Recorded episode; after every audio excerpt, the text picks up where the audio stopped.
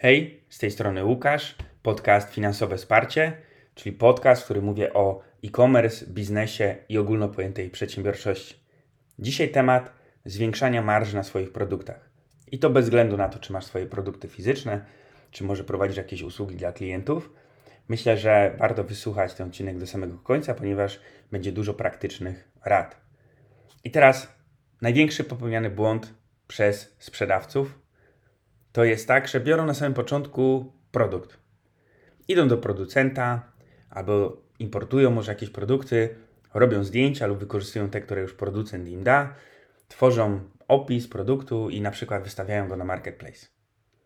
I tak robi 99% sprzedawców. I teraz, jak wyróżniać się na tle innych, skoro każdy robi tak samo? No na pewno nie ceną, bo tutaj znowu mamy zawężone pole popisu. Jeśli zawsze naszym głównym argumentem będzie to, że chcemy być jak najtańsi, no to nie dziwimy się, że później marże tych sprzedawców są niskie. I jeśli nic więcej z produktem nie zrobisz, jeśli w jakiś sposób nie zaczniesz się wyróżniać od innych sprzedawców, no to ciągle te marże będą niskie. I teraz, jeśli masz produkty fizyczne, to najłatwiejszym sposobem jest po prostu dodanie czegoś od siebie.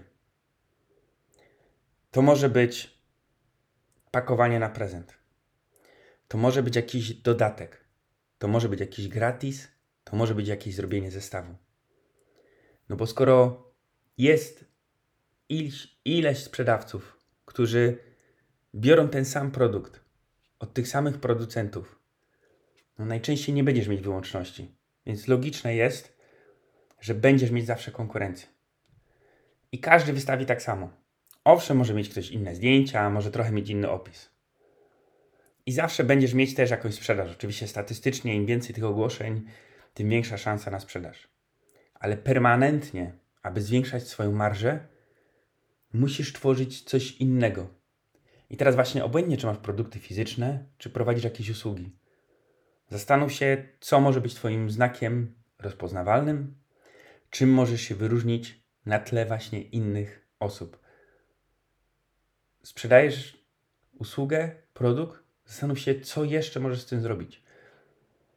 Jak wyjść od strony klienta, co klient jeszcze może potrzebować do tego, co sprzedajesz. Wariantów oczywiście jest mnóstwo.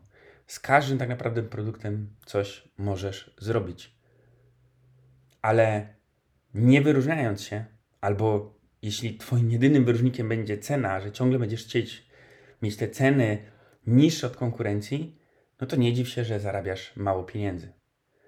Oczywiście największą marżę kiedy uzyskamy? Jeśli będziemy mieli jakiś produkt marki własnej, albo sami będziemy producentem, bo to my wtedy decydujemy, bo nikt od nas po prostu nie weźmie taniej, tak? I tym naszym głównym argumentem jest cena. Po prostu nie schodzimy poniżej pewnego pułapu, a nikt nie będzie miał takie, takiego samego produktu. Oczywiście ktoś może mieć podobne, ale to znowu szukamy tego czynnika wyróżniającego się. Nie możesz robić tego samego co inni i oczekiwać tych samych rezultatów i jeszcze wysokiej marży. Nie tędy droga. Zawsze szukamy wyróżnika.